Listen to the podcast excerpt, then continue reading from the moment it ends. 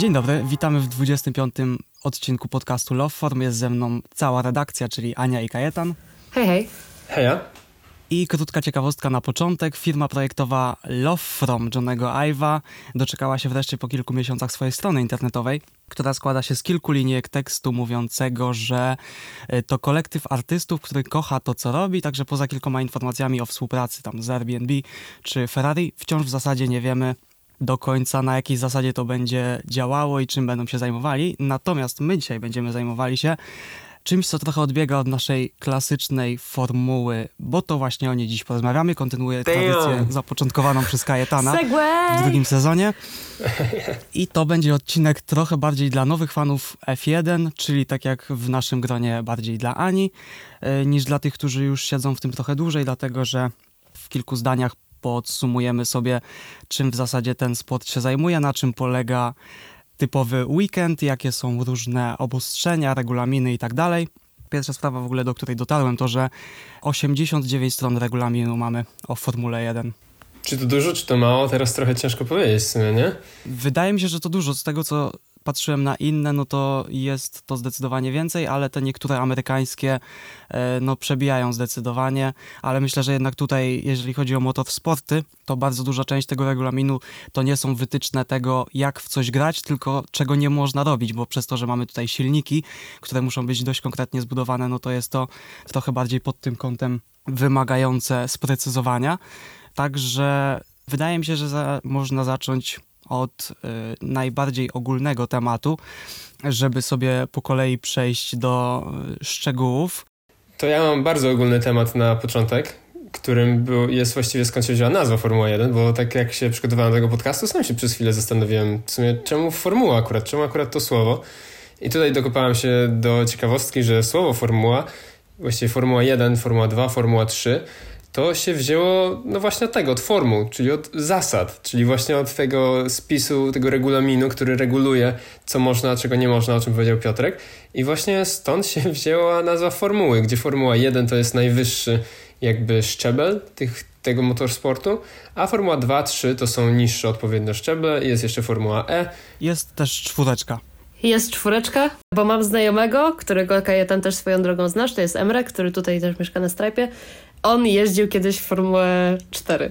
No właśnie, także jest cała masa tych różnych formuł, gdzie e to elektryczne jeszcze tylko dopowiem. Natomiast nazwa bierze się od zasad, co jest, nie wiem czy jakoś szczególnie oryginalne, ale się już przyjęło F1. To jest e, ten diament w koronie motorsportu. To przechodząc już powoli do konkretów, sezon rusza w marcu, ale praca zaczyna się, w zasadzie toczy się cały rok, nie tylko w zespołach, ale też w całym tak, FIA, tak. bo proces logistyczny przemieszczania sprzętu robi w zasadzie ciągłe kółko po świecie rok do roku, bo kiedy część rzeczy jest przewożona busami po Europie, inne płyną w kontenerach do Australii czy Ameryki. E, jest kilka filmów na YouTubie, które bardzo dobrze i dokładnie to opisują, więc na pewno zalinkujemy, tak jak wiele innych rzeczy pewnie w, w tej notatce do odcinka. Generalnie wszystko musi być tak porozmieszczane po kontynentach, kontynentach, żeby całość co tydzień była na odpowiednim torze w odpowiednim kraju i chciałem tylko dodać, że FIA czarteruje samoloty i wszystkie inne formy transportu, ale zespoły płacą z własnej kieszeni za miejsca. Dlaczego to jest ważne, jeszcze powiemy później. A ta cała Formuła 1 właśnie pod tą nazwą, którą ją znamy, jest z nami obecna od roku 1950, co oznacza, że w zeszłym roku, o czym było dość głośno przynajmniej w kręgach formuły, a świętowała swoje 70-lecie gdzie wszystko zaczęło się na torze Silverstone, który nadal jest w użytku. Jest to tor w Wielkiej Brytanii. I tam właśnie od tego momentu, od tego 50 roku liczy się początek F1.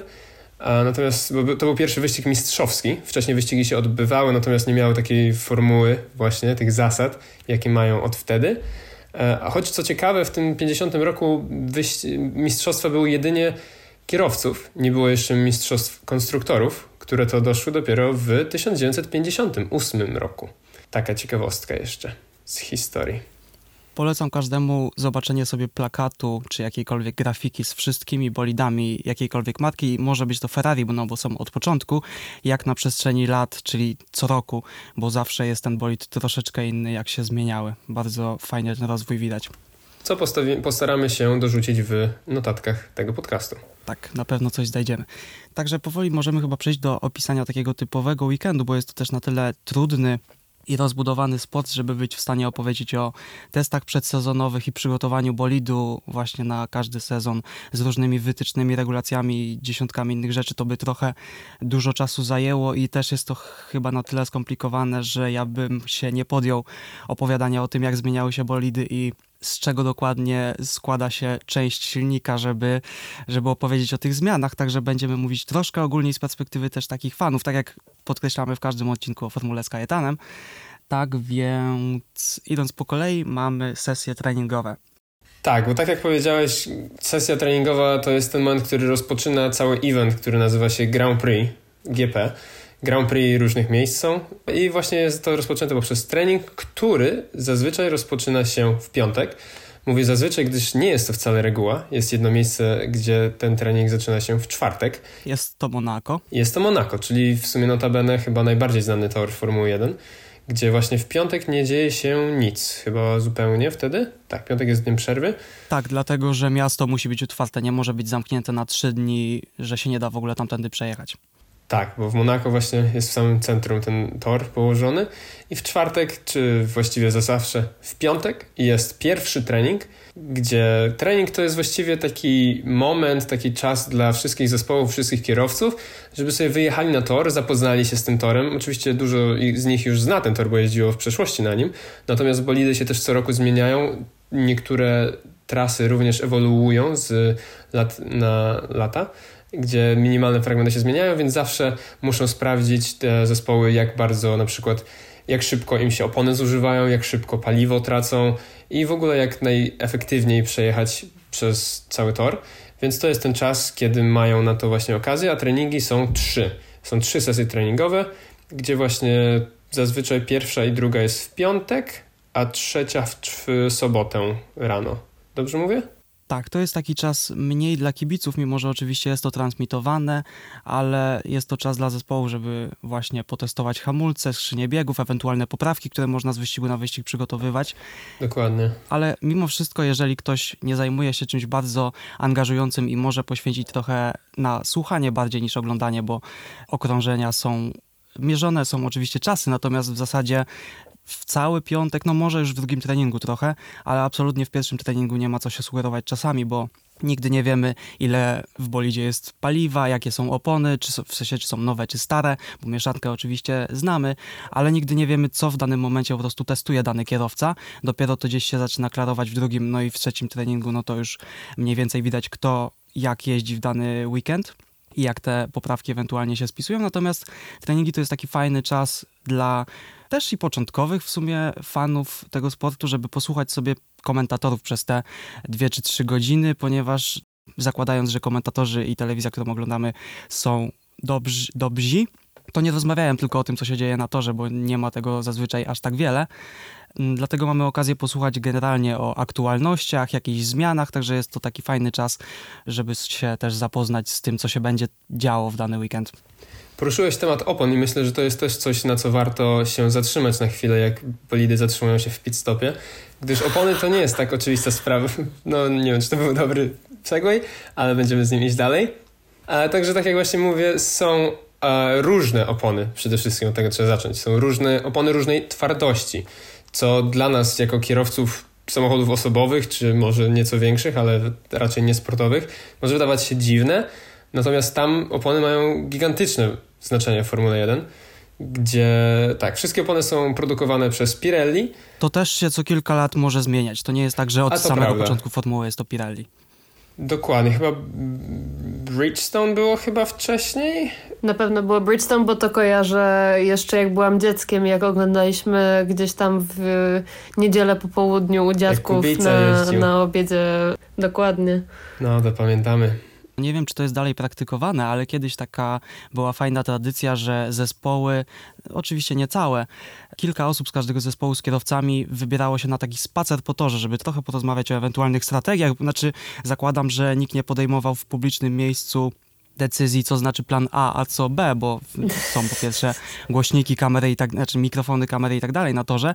Natomiast było to takie fajne przejście po torze, przypomnienie sobie, jak on wygląda, gdzie są punkty do hamowania, więc yy, nie jestem pewny, czy dalej tak się dzieje. Tak, nie... tak, jest. Na pewno jest. Pamiętam, jak były dosyć zdjęcia, szczególnie jak na Zandvoort wrócili do Holandii, wrócili po 30 latach w sensie, i tam sobie chodzili po torze i było dużo zdjęć, gdzie pokazywali ten jeden zakręt przed ostatnią, pierwszą prostą właściwie, który jest pod gigantycznym skosem, który jest taki jak w NASCARze niemalże mają. I tam było dużo zdjęć robionych. Will Buxton pamiętam, że się stoczył z tej górki na przykład, czyli w sumie najbardziej chyba znany komentator, czy dziennikarz związany z Formułą 1, stoczył się, żeby pokazać, jakie jest nachylenie tej górki. Było duże. Ale były też zdjęcia kierowców stamtąd. Także w tym sezonie jeszcze chodzą. A jeszcze tylko na sekundkę wrócę do opon.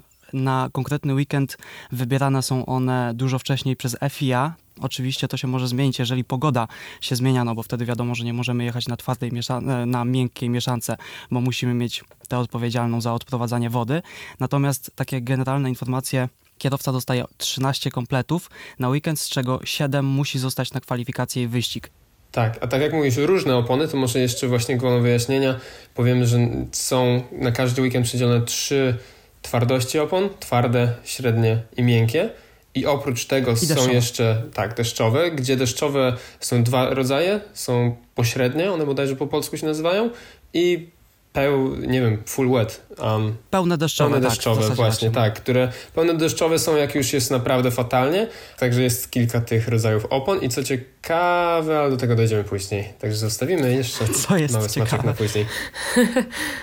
Ciekawe jest to, że na żadnych oponach nie da się przejechać całego wyścigu, chyba, że tak jak Okon nam udowodnił w Turcji 2.21 na pośrednich, bo się udało. A natomiast one są specjalnie zaprojektowane, te opony, żeby przejechały tylko między 60 a 120 km, tak żeby bolid musiał zjechać do boksu. Czyli teraz takie tylko pytanie z mojej strony. Na tym wyścigu w Rosji to bodajże było, gdzie zaczęło padać pod koniec i się właśnie wszystko tak mhm. bardzo pozmieniało, to oni się ślizgali właśnie z tego względu, że nie mieli tych opon pośrednich, tak? Bo zaczęło padać pod koniec e, dopiero wyścigu. Dokładnie, dokładnie. Oni byli na slikach jeszcze wszyscy w tym momencie, czyli... Były wezwania do boksów, niektórzy się na to nie zdecydowali, mocno tego pożałowali, jak na przykład Norris. Każda kropelka wody dla miękkich opon tam jest tragiczna dla jazdy, wypadasz praktycznie na każdym zakręcie albo jedziesz bardzo, bardzo powoli. No właśnie, ja się bardzo dziwiłam, dlaczego jakby wydawało mi się, że oni są przygotowani generalnie na takie warunki pogodowe, że jeżeli jakby tor nie jest zupełnie suchy, to no, w jaki sposób e, się temu zapobiega. I właśnie bardzo mnie dziwiło to, że dosłownie się ludzie ześlizgiwali z, z toru. Tak było. Norris pięknie to pokazał. Mhm. One są bardzo stricte przypisane do konkretnych warunków, jakie są na torze. Tak, dlatego że płaskie opony nie są płaskie tylko z nazwy, tylko dosłownie one są płaskie. One mają zero bieżnika. No tak, no to widać na tych ujęciach y, slow-mo. Mhm, dokładnie. Wtedy widać tylko jak są starte. Jeszcze tylko kończąc chyba już w końcu może powoli o tych oponach. Najtwardsze opony starczają na najdłużej, czyli na najwięcej okrążeń, najdłuższy dystans, natomiast są najwolniejsze. A, naj, a te miękkie opony no to są najszybsze, ale starczają na najkrócej, gdzie średnie to średnie po prostu. I czerwone to są właśnie te najszybsze, żółte pośrednie, przepraszam, żółte średnie, a białe twarde, zielone pośrednie, niebieskie pełne mokre. To jeszcze, jeszcze raz kończąc temat opon, czasem słyszymy na wyścigu hasło glistering. Jest to takie starcie opony zazwyczaj przez zbyt późne zahamowanie. Opona staje w miejscu i trze po torze i mamy taki dość wyraźny placek, który też sprawia, że opona trochę słabiej działa. Szybciej trzeba zjechać do boksu. Jeżeli słyszymy to hasło, to znaczy, że oczywiście to się dzieje też samoistnie przez jazdę i zużywanie opony, ale zazwyczaj jest to po prostu błąd kierowcy i starcie tej opony. Tak, w momencie, kiedy następuje lock-up, czyli że właśnie tak jak mówisz, opona staje i wtedy jest łatwo to poznać po tym, że odrobinę białego dymu się jakby wydziela z tego, no bo to tarcie opony o asfalt. I jeszcze inna informacja a propos też treningów, chociaż na tylko na treningach i na kwalifikacjach się to dzieje. Czasem widzimy w telewizji, że samochód po zjeździe, samochód. Mówimy dzisiaj samochód czy bolid? Czy żeby było no, różnie, żeby cały czas nie powtarzać tego słowa? Tak okay. Jeżeli samochody zjeżdżają do boksu, widzimy taką małą platformę, na którą od czasu do czasu niektórzy są wyrywkowo wzywani. Jest to takie miejsce, gdzie sędziowie sprawdzają samochody, czy wszystkie ustawienia i ilość paliwa, tak? Tak, tak, absolutnie. Na koniec wyścigu musi być minimum ileś tam półtora litra czy trzy litry, żeby pobrać próbkę. I Vettel tego nie miał i stracił drugie miejsce w tym roku. Niektórzy stawali i nie dojeżdżali po wyścigu pełnych okrążeń, żeby to paliwo zostało, bo mieli tak idealnie wyliczone. Tak, ale mówię o tym, że jeżeli samochody zjeżdżają na tę platformę, to znaczy, że zostały po prostu przez sędziów wezwane na sprawdzenie, czy wszystko tam jest zgodnie z przepisami. Co powoduje właśnie potem różne ciekawe teorie, kiedy to Hamilton miał trzecie miejsce, a Vettel, który był przed nim, został wezwany na taką właśnie taki właśnie test i to drugie miejsce swoje stracił, dzięki czemu Lewis startując z ostatniego miejsca dostał się na drugie. Znaczy nie startując, tylko będąc w pewnym momencie wyścigu na ostatnim miejscu, dostał się na drugie miejsce na podium, więc tutaj wydawałoby się jakby FIA nieco pomogła, ale to oczywiście są teorie, czy pomogła, czy to było losowe faktycznie wybranie, czy jeszcze inny powód. U mnie dalej kwalifikacje, chyba że coś jeszcze do tych rzeczy, albo takie ogólne pytania, to teraz myślę, że dobry by był moment, zanim wejdziemy w kwalifikacje. To, co mi przyszło do głowy, um, co w zasadzie jest wynikiem tego, że mam bardzo ładną tapetę e, na moim komputerze w pracy, czyli z wyścigu w Włoszech, jak e, e, nie, tylko jak Verstappen miał kraksę z Hamiltonem i bardzo ładnie przeleciał nad nim to zauważyłam, że w zasadzie te bolidy są praktycznie identyczne. I zaczęłam się zastanawiać, czy są jakieś konkretne wytyczne, jeżeli chodzi o kształt bolidu, um, czy w jakiś sposób są przymocowane niektóre elementy i tak dalej, które można wymieniać. To jest super ciekawe pytanie. Także może ja udzielę jakąś pierwszą część odpowiedzi, Piotrek pójdzie dalej. Bo to już w międzyczasie Piotrek podpowiedział, że co do milimetra są przepisy i to jest jak najbardziej prawda. Natomiast te bolidy wcale nie są identyczne. Różni się kilka ich elementów, co nie jest zawsze łatwo złapać. Natomiast e, taką jedną z ważniejszych różnic, co tak mi się wydaje, że może być ważniejsze, patrząc na osiągi w ostatnich latach, Mercedes notorycznie jest najdłuższym bolidem co nie widać normalnie na torze, ale jak są zdjęcia tak robione i dobrze wyrównane, to jest ciężko powiedzieć jak dużo, ale kilkanaście centymetrów dłuższy bodajże od na przykład Red Bulla, co w jakiś sposób może wpływa na prędkość na prostej, natomiast przeszkadza w zakrętach nieco, no bo jest dłuższy, więc trochę trudniej się złożyć zakręt. Więc to jest jedna z różnic. Druga, którą może jeszcze tylko powiem, bo mam w głowie, to jest e, jak za głową kierowcy jest takie wcięcie na nie wiem jak to się nazywa niestety, ale taki duży wlot powietrza jest nad głową kierowcy. To jest chłodzenie silnika. No właśnie, to kształt tego też jest dość mocno różniący się między różnymi bolidami często. Mhm, tak, ta bryła jest ogólnie, z jednej strony jest opisana, jak ona powinna wyglądać. Oczywiście szczegóły, takie jak odpływy powietrza y, na takiej podstawie, na której stoi bolid, czyli po prawej i po lewej stronie tak jakby obok kierowcy y, uda. Tam bardzo często są zmiany w tych wylotach powietrza.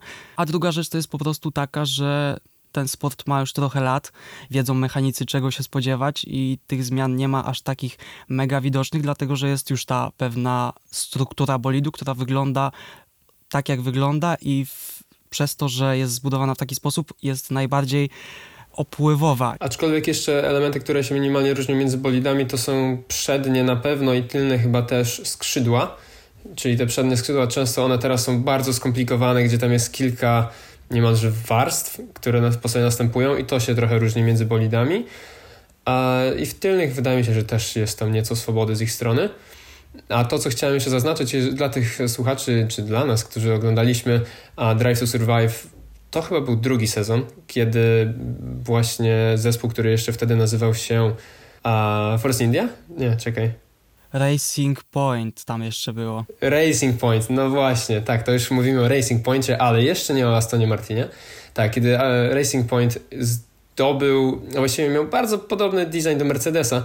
To właśnie było całkiem ładnie pokazane w tym Drive to Survive w którymś odcinku. Nie wiem na ile było to przekolorowane, oczywiście poprzez właśnie w celu narracji i zdobycia trochę ciekawszej historii, ale było powiedziane, że kiedy pierwszy raz w tamtym sezonie wyjechał ten Racing Point, że wszyscy tak spojrzeli na to i powiedzieli, no kurde, przecież to jest Mercedes poprzedniego roku, tylko w różowych barwach. Także oni, którzy na co dzień z tymi autami przybywają, to myślę, że mają jeszcze lepsze oko pod tym względem i być może są faktycznie w stanie zobaczyć, że no, ten bolid wygląda identycznie jak ten drugi, tylko w innych barwach. Właśnie te wszystkie małe spoilery i tak dalej. Właśnie dlatego warto oglądać jakiś piątek, bo wtedy są pokazywane te różnice z weekendu na weekend, co wprowadziły jakieś tak. zespoły. Ale to są właśnie zazwyczaj jakieś takie malutkie, kilkucentymetrowe elementy, które są skierowane w inną stronę.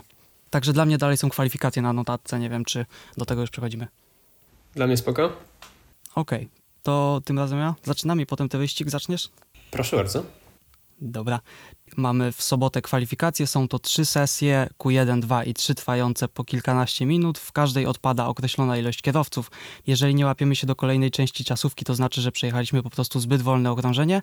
I tu pierwszy raz w weekend na poważnie zaczyna się coś dziać, bo samochody są ustawione tak, żeby wykręcić najlepszy czas pojedynczego kółka, nie żadne długie dystanse, tylko wszystko jest nastawione na jedno konkretne, dobre okrążenie, które składa się od razu można zaznaczyć z trzech sektorów. I teraz y, ja tu mam akurat pytanie jeszcze. Czy bolidy je- jeżdżą e, pojedynczo, czy to jest też jako taki mini wyścig, że tam na przykład powiedzmy trzy albo cztery osoby jeżdżą ze sobą jednocześnie? To jest tak, że w każdym momencie może wyjechać każdy, kto chce na tor i często możemy zauważyć, że dwa samochody z tego samego zespołu jadą jeden za drugim. Chodzi o to, że wtedy mamy taką strategiczną decyzję, że pierwszy tak zwanie podciąga drugiego, dlatego że jadąc za kimś te kilka sekund mamy trochę e, bardziej, nie wiem czy chodzi o rozrzedzone powietrze, w każdym razie jest ono bardziej, e, miałem zapisane to słowo konkretne, Dragging to się chyba nazywa. Drafting, przepraszam, drafting to się nazywa. łapanie się w strudze powietrza za kimś, czyli po prostu mamy te setne sekundy, nawet nie wiem czy setne, czy Nawet coś więcej. jeszcze mniej. Nie, to spokojnie, dziesiąte, nawet więcej. To dużo robi akurat. Dziesiąte. Tak, to, to robi dużo. Okej, ale generalnie co do pytania, to jeszcze Kajetan zaraz dodasz, jeśli coś masz, ale każdy wyjeżdża kiedy chce, w zasadzie ma na to te kilka określonych minut, może zrobić jedno kółko, może nie zrobić wcale, jeżeli nie chce i wtedy po prostu startuje z ostatniej punktowanej pozycji. I jak się zrobi kilka kółek, to wtedy y, wybiera się najlepszy czas, czy trzeba przed okrążeniem... Y... Najlepsze. Tak, automatycznie liczy się na najlepsze. Dobra, okej. Mhm. Ważne jest to, że okrążenie, bo czasem czas się kończy, ale zawodnicy jadą i te okrążenia są liczone.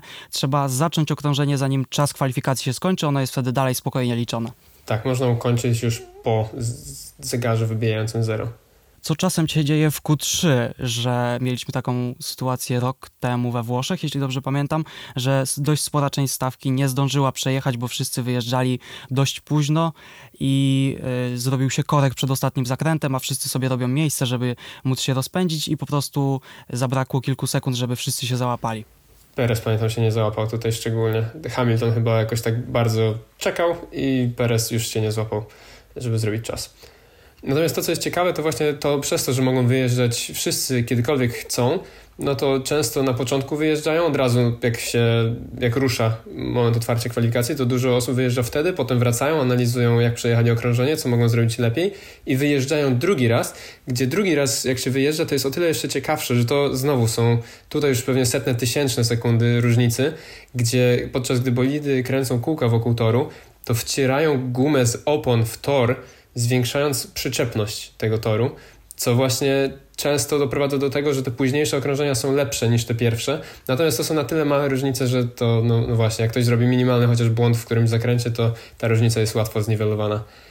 Można też dodać, że w przypadku, gdy mamy prognozę pogody i zbliża się deszcz, to wszyscy wyjeżdżają, nawet delikatny, wystarczy dwie kropelki i dosłownie okrążenia, czasy okrążeń są już zdecydowanie, zdecydowanie gorsze, więc jeżeli pogoda jest słaba, jest zachmurzona, jest jakakolwiek szansa na deszcz, to wszyscy, chcą- wszyscy chcą zrobić okrążenie jak najszybciej, bo później będzie już tylko gorzej.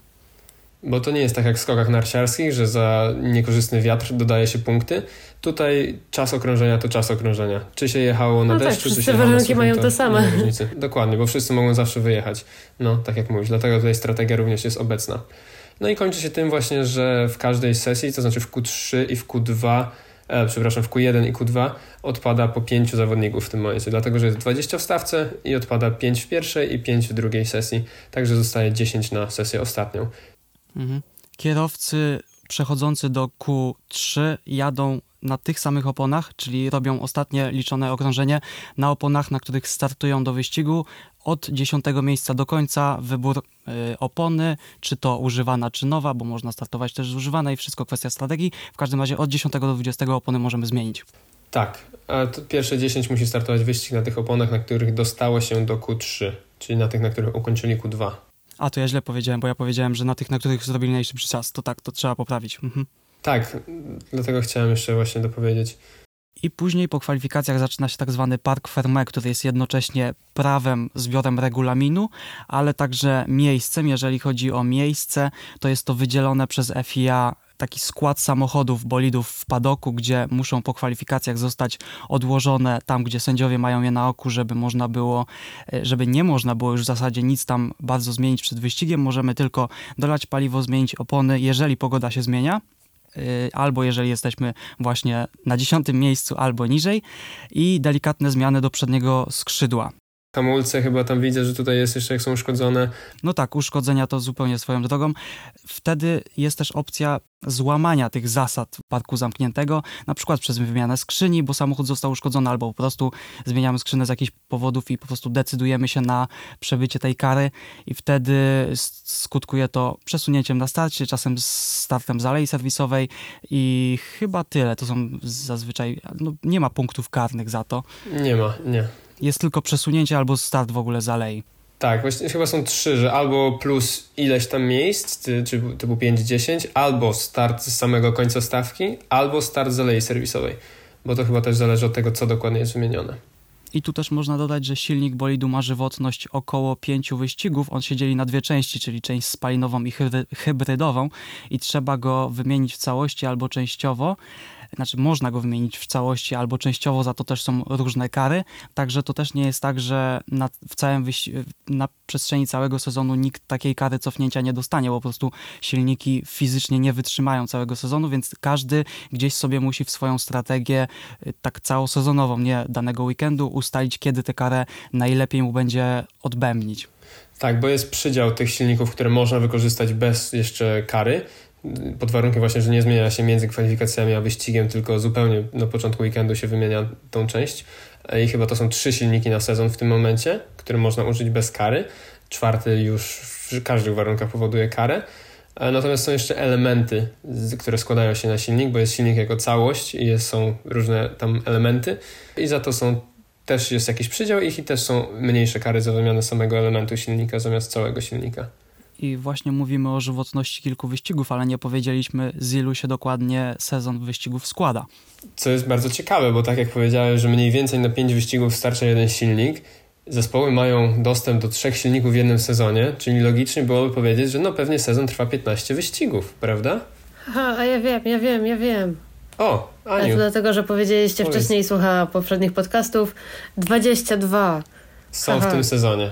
To prawda. Tak. I od tego tygodnia poprzedniego bodajże mamy już również kalendarz na przyszły rok, 2023, który ile wyścigów będzie miał Piotrek? Oj, żebyś mnie zagrał 24. Nie, 23. 20, e, 23? Tak, 23. Coś czwóreczka e, mi się obiła. No właśnie nie. Jest taka ładna grafika, która jest niesymetryczna niestety, bo są 23 wyścigi. E, natomiast to i tak jest rekordowo dużo, 23 no kiedyś nie do pomyślenia było, żebyśmy jeszcze mieli formułę w grudniu, teraz to już jest standard.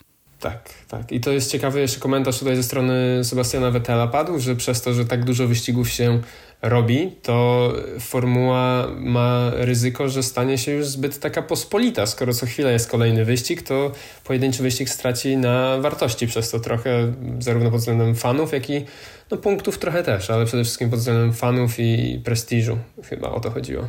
Natomiast my lubimy oglądać wyścigi, więc fajnie, jak jest ich więcej. Jeżeli chodzi o ogólnie przerwy tak całoroczne między wyścigami, no to mamy przerwę tak zwaną zimową, czyli generalnie między sezonami, a także w środku sezonu mamy też dwa miesiące, tak? Dwa? Nie wiem, czy nie mniej. Nie wiem. No, może, może być dwa. Czy nawet jeszcze mniej? Około dwóch miesięcy. To różnie wypada, bo to są liczone na tygodnie, więc różnie te wyścigi się układają. Jest to około dwóch miesięcy przerwy wakacyjnej dla odpoczęcia i też przygotowania bolidu. Też dużo poprawek wtedy się dzieje na drugą część sezonu, gdzie już mniej więcej widać, jaki zespół jest na której pozycji i o co się może bić. Tak, tak, jakoś tak to powiem. A jeszcze chciałem tylko wrócić na jedno słowo do Park Ferme, jeżeli chodzi o prawo. Jest to też taki czas, w którym inne zespoły mogą składać różne apelacje, protesty na inne samochody i wtedy, samo, y, wtedy sędziowie się właśnie tym samochodom tam stojącym przyglądają i sprawdzają, czy tak samo jak w przypadku zjazdu wyrywkowego, czy tam na pewno wszystko przed wyścigiem jest w porządku. bo jest coś takiego, że inny zespół może poskarżyć się na jakieś rozwiązanie, nie zbyt regulaminowy nowy dodatek, jak na przykład w pewnym momencie Mercedes wprowadził dziwnie ruszającą się kierownicę, co okazało się jednak nie do końca regulaminowe. System DAS to był, który minimalnie dosłownie ułamki stopni zmieniał nachylenie kół przednich, co dawało przewagę na prostej. I to zostało jeszcze, nie było wykluczone w trakcie sezonu, natomiast zabronili tego od nowego sezonu już, czyli jakby nie dostali za to kary, ale po prostu zmieniła FIA tak regulację, że dokładnie, konkretnie pod to, żeby to już nie było legalne, taki system. Także wracając do tych tematów kwalifikacji, z czego składa się Weekend Grand Prix, chcielibyśmy jeszcze poruszyć jedną, jeden ważny dodatek, który się pojawił od tego roku i czeka nas również w przyszłym sezonie, a mianowicie sprint, czyli tak naprawdę wyścig, krótki wyścig na 100 km, co jest tak około 1 trzecią normalnego wyścigu, który zaczyna się również w sobotę, tak jak normalnie miałyby miejsce kwalifikacje, dlatego że kwalifikacje takie, jakie my znamy, są przesunięte na piątek. Czyli nowa kolejność weekendu, kiedy sprint ma miejsce, wygląda tak, że w czwartek mamy trening jeden i kwalifikacje. Monako, mówisz o Monako wtedy. Mówię o Monako, dokładnie, a we wszystkich pozostałych wyścigach oprócz Monako jest to w piątek. Że trening jeden i kwalifikacje w piątek, trening dwa i sprint w sobotę, wyścig jest w niedzielę. Ma to na celu przede wszystkim zwiększenie atrakcyjności całego weekendu Grand Prix, dlatego, tak, dlatego że tak jak od początku mówiliśmy, ten trening no niby jest całkiem ciekawy, żeby sobie tam posłuchać, czy coś tam pooglądać, zobaczyć jak te bolidy sobie radzą, a tak naprawdę mało kto ogląda treningi, a kwalifikacje no to już radzą sobie lepiej, a wyścig no to już w ogóle najlepiej. Dlatego celem urozmaicenia weekendu i właśnie zachęcenia większej liczby osób do większego oglądania jest dodany ten jeden element, który faktycznie okazuje się być dość ciekawy, natomiast również kontrowersyjny. E, ale zobaczymy go jeszcze więcej w przyszłym roku, także ciekawe, czy zostanie z nami na dłużej, czy nie. W tym sezonie polegało to na tym, że wyniki z kwalifikacji decydowały o wyścigu na sprincie, a wyniki sprintu decydowały o wyścigu, o starcie do niedzielnego wyścigu i z tego co wiem to w przyszłym to nie przeszło i w przyszłym sezonie kwalifikacje decydują o obu wyścigach, a sprint to jest faktycznie dodatek do samego e, ciekawego eventu, jakim jest Grand Prix. Także nie będzie to decydowało o starcie do niedzielnego wyścigu, ale też będą za to punkty. Małe, bo małe, ale zawsze jakieś, mm, zawsze jakieś punkciki, które, tak jak na przykład w tym sezonie, grają każdy pojedynczy bardzo dużą rolę. I za sprint, jeżeli dobrze pamiętam, jest właśnie, są punkty dla pierwszych trzech miejsc i to są 3, 2 oraz 1 punkt odpowiednio. Mhm. Tak? Tak. Tak.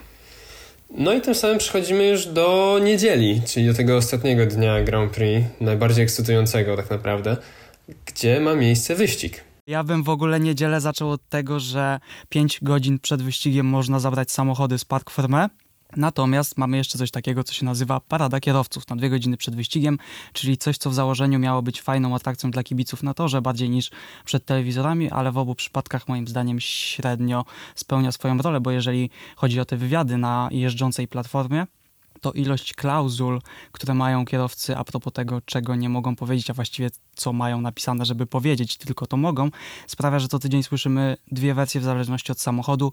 Albo idzie dobrze i liczymy, że w wyścigu nic złego się nie wydarzy, albo że mamy problemy z samochodem, ale liczy się niedzielny wyścig, a tam wszystko się może zdarzyć. Także, e, żeby nie cytować Michała Milowicza z Chłopaków nie płaczą, myślę, że dużo ciekawszą atrakcją byłoby tak jak kiedyś wejście kierowców do klasycznych samochodów i po prostu przejechanie sobie kółka fajnie brzmiącymi klasykami niż te dość powtarzalne wywiady.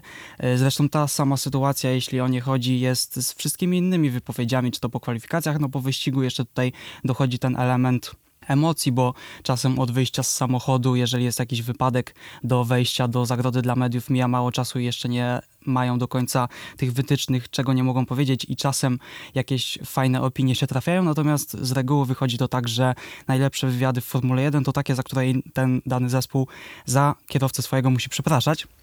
Czasem jeszcze na konferencjach prasowych coś śmiesznego się dzieje, natomiast no ja wywiadów nie lubię. Jedyne, które pamiętam kiedyś były bardzo fajne, to yy, na, z jakiejś okazji dzieci zadawały kierowcom pytania i to było tyle fajne, że no, dzieci bardzo nie interesowały się strategią strategią czy tym, co się wydarzyło konkretnie, tylko na przykład pytały o to, o której kierowcy wstają, co robią w wolnym czasie, jakie mają prywatne samochody, także faktycznie można było się czegoś dowiedzieć o samym kierowcy niż tego, co ma wykute na blachę a propos tego, co się aktualnie dzieje na torze, co widzimy i w zasadzie wiemy, co powie dany kierowca, bo raczej powie, że z jego strony nic się nie wydarzyło, dopiero potem gdzieś tam na Instagramach mogą za to przepraszać, ale same te wywiady nie są tak ciekawe. Na miejscu jakiejś telewizji spróbowałbym się jakoś wyróżnić bardziej właśnie personalnymi pytaniami, jeżeli oczywiście kierowcy by się na to zgodzili, co na przykład robią na swoich kanałach na YouTubie. Jeżeli takowe mają, a faktycznie nie wiem, czy za dużo ich ma w sumie. Na Twitchu jest ich całkiem sporo, przynajmniej było w trakcie pandemii, kiedy jeszcze sezon się nie zaczął. A teraz już trochę wracają chyba do pełnych, do pełnych obrotów i muszą się skupić jednak na jeżdżeniu prawdziwymi samochodami, a nie tymi wirtualnymi. Ale jesteś w ogóle, Kajetan, fanem tych wywiadów po kwalifikacjach czy po wyścigu? Nie, zazwyczaj mnie już wtedy nie ma przed streamem.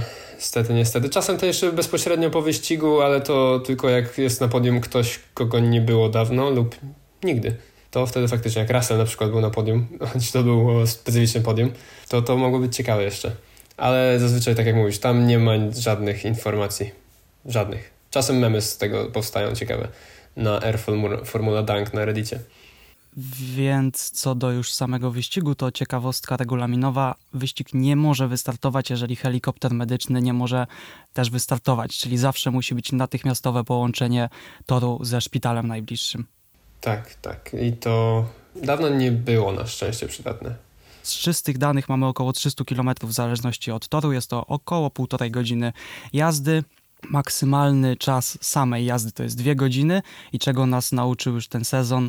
Mamy całą masę ustaw niejasnych czasem Belgia. nawet dla zespołów, bo właśnie na SPA transmisja trwała, trwała około 7 godzin czy coś takiego i było to uznane za wyścig przez wyjazdy safety cara liczne i samych bolidów na kółko czy dwa, natomiast samego wyprzedzania i nawet okazji prawnej do tego, żeby wyprzedzić nie było nawet jednej, po prostu były to parady za safety carem tak jak mówisz, 5, 2 e, godziny może trwać, aczkolwiek ten zegar może się zatrzymać też. Więc jakby może tyle trwać, ale też może trwać więcej, tak praktycznie rzecz biorąc. A kiedy się zegar może zatrzymać? Tak, to jest też kolejny ciekawy temat, bo znowu tutaj byśmy musieli pewnie wchodzić mocno w regulacje, natomiast wracając do tej Belgii, to taka sytuacja miała miejsce, dlatego że, nie pamiętam jakie było w sumie usprawiedliwienie. To, był tak zwan, to była tak zwana siła wyższa. A, okej, okay. no właśnie są takie zapiski. Ja pamiętam, e, siedziałam e, i czekałam po prostu aż się zacznie ten wyścig i nigdy się nie zaczął, a potem pokazali właśnie tylko jakieś tam przebitki z tego, jak wyglądał e, radar pogodowy i właśnie gigantyczna jest ta chmura. Tak, tak. Jednak co ciekawe, wyścig teoretycznie się odbył i zostały przydzielone połówki punktów za to, mimo że było zrobione bodajże trzy okrążenia, jeżeli dobrze pamiętam. Ja już mogę coś mylić, ale także minimum zrobili. Tak, tutaj mam zapisane na ten temat. Jeśli wyścig zostaje przerwany po przejechaniu przez lidera mniej niż 75% dystansu, przyznaje się połowę punktów, tak jak mieliśmy w przypadku, ale jeżeli jest to przejechane co najmniej dwa ukończone okrążenia. No to taka właśnie sytuacja miała miejsce w Belgii, natomiast z tego co pamiętam, było potem powiedziane, że ze względu na to, co się wydarzyło, FIA zajrzy do tych regulacji i na przyszły sezon prawdopodobnie je w jakiś sposób zmieni. No bo sytuacja była dość kuriozalna, prawda? Połowa punktów została przydzielona za coś, co w sumie się nie odbyło i to było dość smutne z punktu widzenia fanów. Z punktu widzenia sponsorów, no lepsze niż nic, ale jakiś lepszy środek chyba musi być tutaj znaleziony.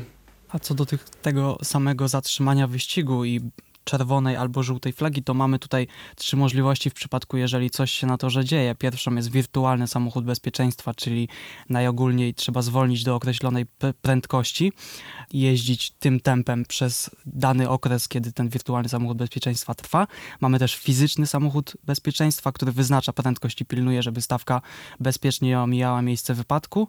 I trzecia opcja, czyli czerwona flaga i zjazd do alei i tam oczekiwanie na oczyszczenie wyścigu. Jeszcze co do samego fizycznego samochodu bezpieczeństwa, to polecam, jeżeli ktoś zaczyna przygodę z formułą, zwrócić uwagę na moment, w którym tor jest już czysty i samochód bezpieczeństwa zjeżdża i do momentu przekroczenia linii startu bodajże, chyba że jest jakaś inna linia, ale wydaje mi się, że chodzi o to. Startu, chyba Tak, tak. no właśnie, nie ma jakiejś wcześniejszej.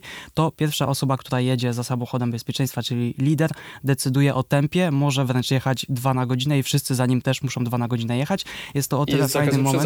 Tak, absolutnie jest wtedy zakaz wyprzedzania do tej linii startu i to jest o tyle ciekawe zawsze, że jest już taka tradycja, w zasadzie no, jedyna opcja dobra, żeby wyjść z tego ogromną ręką, to pierwszy samochód jedzie bardzo wolno do pewnego momentu, o którym wie tylko on. Tak się czai I- śmiesznie. Tak, i w pewnym momencie zazwyczaj po, na przykład w środku ostatniego zakrętu albo od razu po wyjściu na prostą jest gaz do dechy i wtedy albo się cała reszta załapie za nim, bo wtedy też już może wystartować, albo traci momentalnie kilka sekund.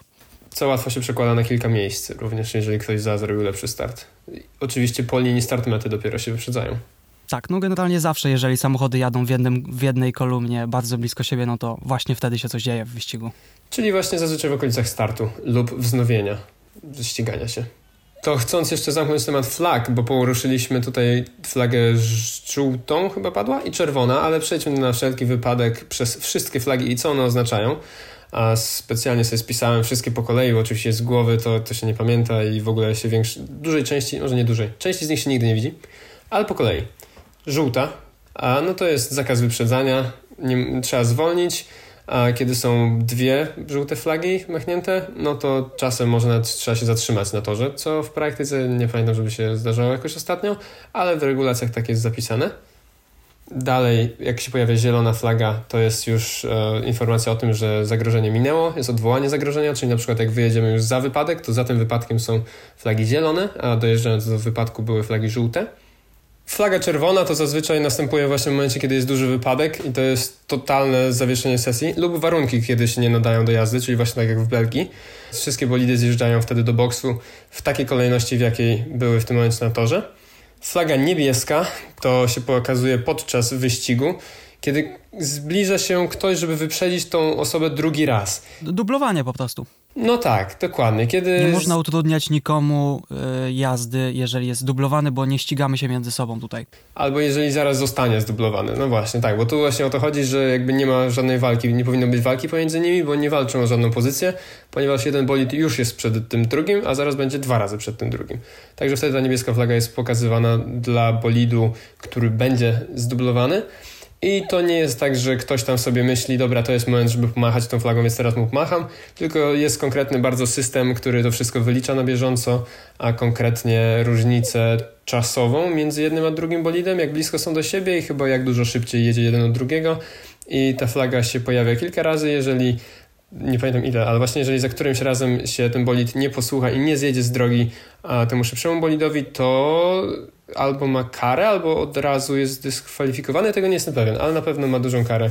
Oj, to nie wiem, bo to się no, praktycznie nie dzieje. Nie zdarza, to się nie zdarza, bo jakby no to jest prosta zasada zjechać z drogi. Nie ma o co walczyć. Szachownica to oczywiście najprostsze, koniec wyścigu. Każdy widzi ją, kiedy przejeżdża przez metę i kiedy dla niego się kończy wyścig. Czarna flaga to jest ogólnie najgorsza kara, jaka może spotkać kierowcę podczas wyścigu, bo to jest efektywnie po prostu wywalenie totalnie z wyścigu. Kierowca musi w tym momencie zjechać do boksu, nie może się ścigać. A przeciwieństwo czarnej flagi to biała, której nie pamiętam, żebym kiedykolwiek widział, ale podobno istnieje. Oznaczenie wolno poruszający się pojazd, taki jak samochód wycofujący się z ruchu, karetka pogotowia lub ciężarówka holownicza, znajdujący się przed torem i nakazuje kierowcom zwolnić. E, No i ostatnia flaga, którą znalazłem, że istnieje, to pionowe czerwone i żółte paski obok siebie, która jest pokazywana w momencie, kiedy jest mokra nawierzchnia. Czy to mokra od wody, czy to mokra od jakichś płynów, które się wylały z bolidu na przykład, albo z innych miejsc, jak olej czy paliwo. Lub też ewentualnie po prostu odłamki na torze są, kiedy coś leży na torze.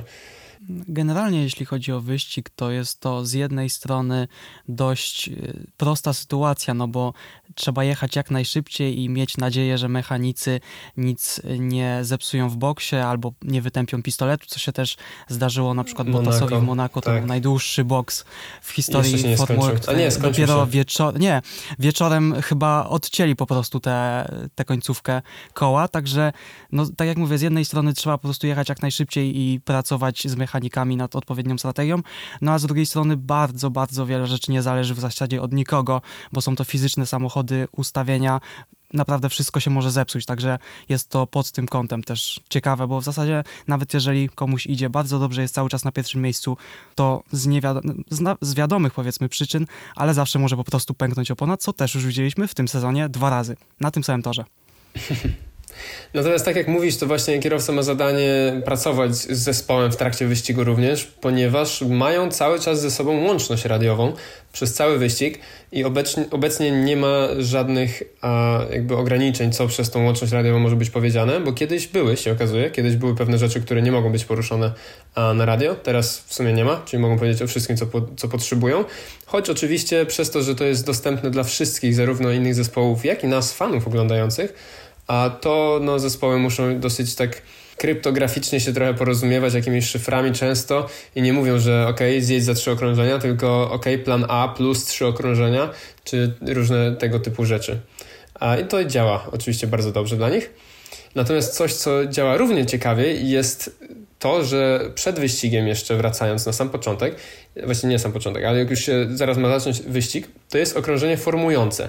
Czyli tak jak bolidy przed startem stoją na swoich miejscach startowych, to zanim jeszcze zaczną się ścigać, to punktualnie zawsze, no nie, nie wiem czy 10 po, ale zawsze o równej godzinie czy minucie robią najpierw jeszcze okrążenie formujące, czyli takie, żeby jeszcze przejechać przez cały wyścig, żeby dać, przez, przez cały tor, żeby dać czas ekipom, które się opiekują tymi bolidami i stoją przy nich, żeby dać im czas na zejście z toru i zwolnienie miejsca. I przez to jedno okrążenie, co jest ciekawe, zespoły nie mogą porozumiewać się z kierowcami. Czyli kierowca może poprzez radio mówić do swojego zespołu, natomiast zespół nie jest, nie może mu odpowiedzieć. I to się wydaje coś banalne i że nigdy się nie przydaje, ale wracając do Grand Prix Węgier w tym roku 2021, to się bardzo przydało, ponieważ na ile pamiętamy, może niektórzy, to była sytuacja, kiedy przed wyścigiem był deszcz i wszyscy stali na torze w, w oponach pośrednich Natomiast tuż przed tym początkiem wyścigu deszcz przestał padać. I kiedy zaczęło się okrążenie formujące, wszyscy kierowcy musieli się zapoznać z torem, czy jest wystarczająco sucho, żeby już zmienić na opony suche, czy jeszcze powinni startować na mokrych. No i tu wyszła kuriozalna sytuacja, że tam no niektórzy mówili, ok, zjeżdżam, ok, wszyscy będą zjeżdżać, jest super sucho totalnie, wymienimy opony. No tak ktoś musiał podjąć tą decyzję, żeby potem wszyscy za nim zjechali.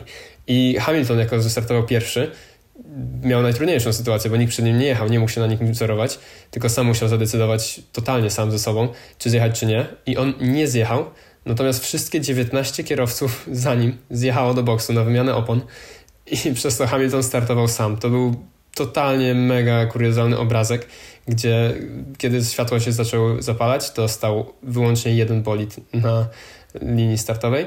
No i ruszył i zrobił swoje okrążenie, po czym oczywiście zjechał do boksu również, bo było totalnie sucho i nie było powodu na opony pośrednie, ale przez to miał dużo utrudniony wyścig, choć i tak udało mu się go ukończyć na drugim miejscu, co jest absolutnie również znowu absurdalne, że mu się to udało. Choć gratulacje oczywiście.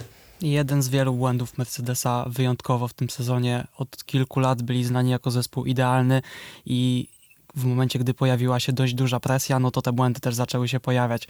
Jeżeli chodzi o radio i komunikowanie się zespołu z kierowcą, no to najczęściej jest to wykorzystywane albo do strategii, czyli do podejmowania decyzji w zależności od tego, jak zmienia się sytuacja na torze, plan A, B, C i tak dalej, albo po prostu wezwanie, krótki komunikat box-box, należy zjechać. Jeżeli nie ma deszczowej pogody i używane są opony inne, to trzeba je w momencie y, na przestrzeni wyścigu zmienić na inny rodzaj opon. Jeżeli jest deszcz, to nie i nie trzeba w ogóle zjeżdżać do boksu.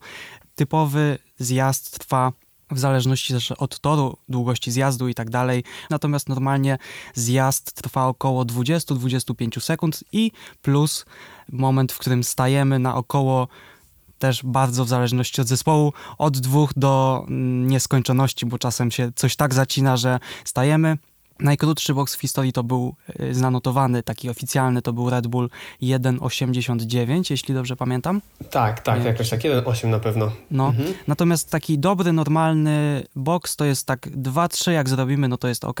Jeżeli przebijamy tak. 3, no to już coś poszło nie tak. Jeżeli jest ponad 6, no to coś się zacięło, coś się bardzo źle stało a Mercedes był jeszcze w pewnym momencie znany, przynajmniej niedawno, nie wiem jak teraz, dawno tego nie robili, z czegoś, co się nazywa double stack, Czyli na tym samym okrążeniu zjeżdżają dwa bolidy tego samego zespołu, kiedy szczególnie ważne jest to, żeby każdy z boksów był idealny i wtedy niejednokrotnie mi wychodziło w zeszłych sezonach taka wymiana, że dosłownie zjeżdża jeden bolid, 2,5 sekundy niecałe wymiana pierwszego i dosłownie jak pierwszy odjeżdża, wjeżdża drugi, jadący za nim i również tak z 2,5 sekundy i jak to jest idealnie zrobione, to wygląda po prostu no, ultra satysfakcjonująco, ale zazwyczaj na to się zespoły nie decydują, bo to jest dosyć ryzykowne, jakby nie było. Bo jeżeli jednemu coś pójdzie nie tak, temu pierwszego, no to również wyścig tego drugiego jest znacząco uszkodzony.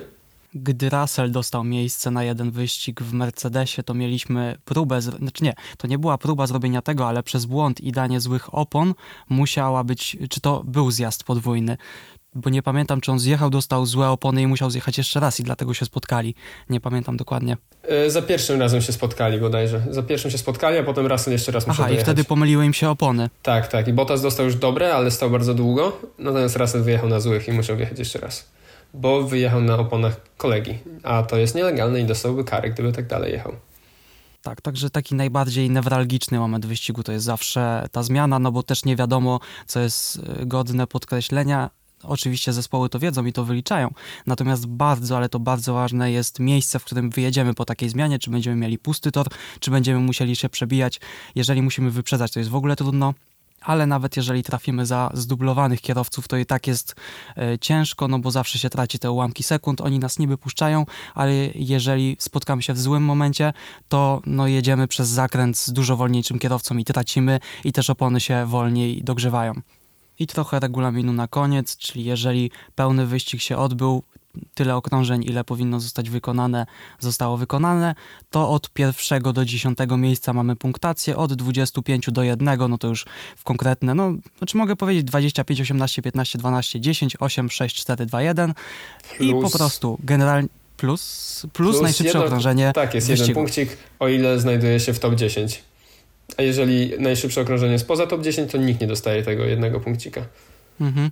I czasem też jest o to walka, jeżeli ktoś ma, walczy o każdy punkt, na przykład walczy o mistrza, bo zazwyczaj nikt inny się o to jakoś mocno nie zabiega, mhm. a ma dużo czasu, na przykład kierowca za nim ma 40 sekund, no to decyduje się na taki zjazd 20-sekundowy, ma najlepsze opony, wtedy tor jest nagumowany i najczęściej po prostu zrobi ten najszybszy czas. No i podsumowanie całego sportu, czyli jeżeli po wszystkich wyścigach y, kierowca ma najwięcej punktów z wszystkich wyścigów, są też punkty ujemne, ale to są punkty karne, nie ujemne, przepraszam. Tak, punktów ujemnych w zasadzie nie ma. Są punkty karne. Po prostu sumujemy ilość punktów. W przypadku remisu ewentualnego, który też się dość rzadko zdarza, bierze się pod uwagę ilość drugich i trzecich miejsc. Rzadko się zdarza, ale ten sezon jest najbardziej zawzięty od lat tak naprawdę i zostało nam sześć 6 albo 5 wyścigów i dzieli pierwsze i drugie miejsce zaledwie 8 punktów. Także jeszcze wszystko się może wydarzyć, również remis. Mhm. Zobaczymy. A i teraz wrócę do tego, czym, do czego nawiązałem na samym początku, że ekipy same płacą za transport i to jest bardzo ważne bo należy brać pod uwagę, że absolutnie każde miejsce w stawce, nie tylko te trzy pierwsze, są ważne, dlatego że walki na przykład o czwarte pozycje mają duże znaczenie, dlatego że zależy od tego ilość dotacji i kiedy zespół zarabia po prostu mniej, to dużo więcej, dużo większa część musi iść na koszty logistyczne, które są dość stałe, więc mniej zostaje na reklamę, czyli rozwój też sponsorów i wszystkiego innego, więc nawet jeżeli walczymy o szóste, tak, oczywiście, także jeżeli walczymy o szóste miejsce, a nie siódme, to to też ma zawsze znaczenie. Dlatego to jest taka trudna sprawa, że zespoły, które słabo sobie radzą, mają mniej pieniędzy, mniej pieniędzy na to, żeby sobie zacząć lepiej radzić, a zespoły, które dobrze sobie radzą, mają więcej pieniędzy, żeby sobie radzić jeszcze lepiej. Przez to nie jest, przez to jest bardzo trudno po prostu nadrobić do tych lepszych zespołów. Choć Williams od paru lat najsłabszy zaczyna sobie powoli radzić, co jest bardzo ciekawe i wydaje się jakby wychodził. Tam się zmienił jeszcze zarząd, także może to też miało duży wpływ. Tak, zamienili się miejscami z hasem w tym sezonie. Wyjście z takiego dołka trwa no, dobrych kilka lat, ale widać, że są na bardzo, dobrym, bardzo dobrej drodze. I o wyścigu to wszystko z mojej strony. Tak, przed nami chyba jeszcze kilka ciekawych statystyk, natomiast również mamy kilka. Myślę, że tutaj nam się robi dosyć dużo materiału jeszcze e, na jeden odcinek, także myślę, że w tym momencie zakończymy i zapraszamy na drugą część odcinka, która najprawdopodobniej pojawi się w przyszłym tygodniu. Lub jakoś w bliżej nieokreślonym czasie, jednak na pewno niedługo.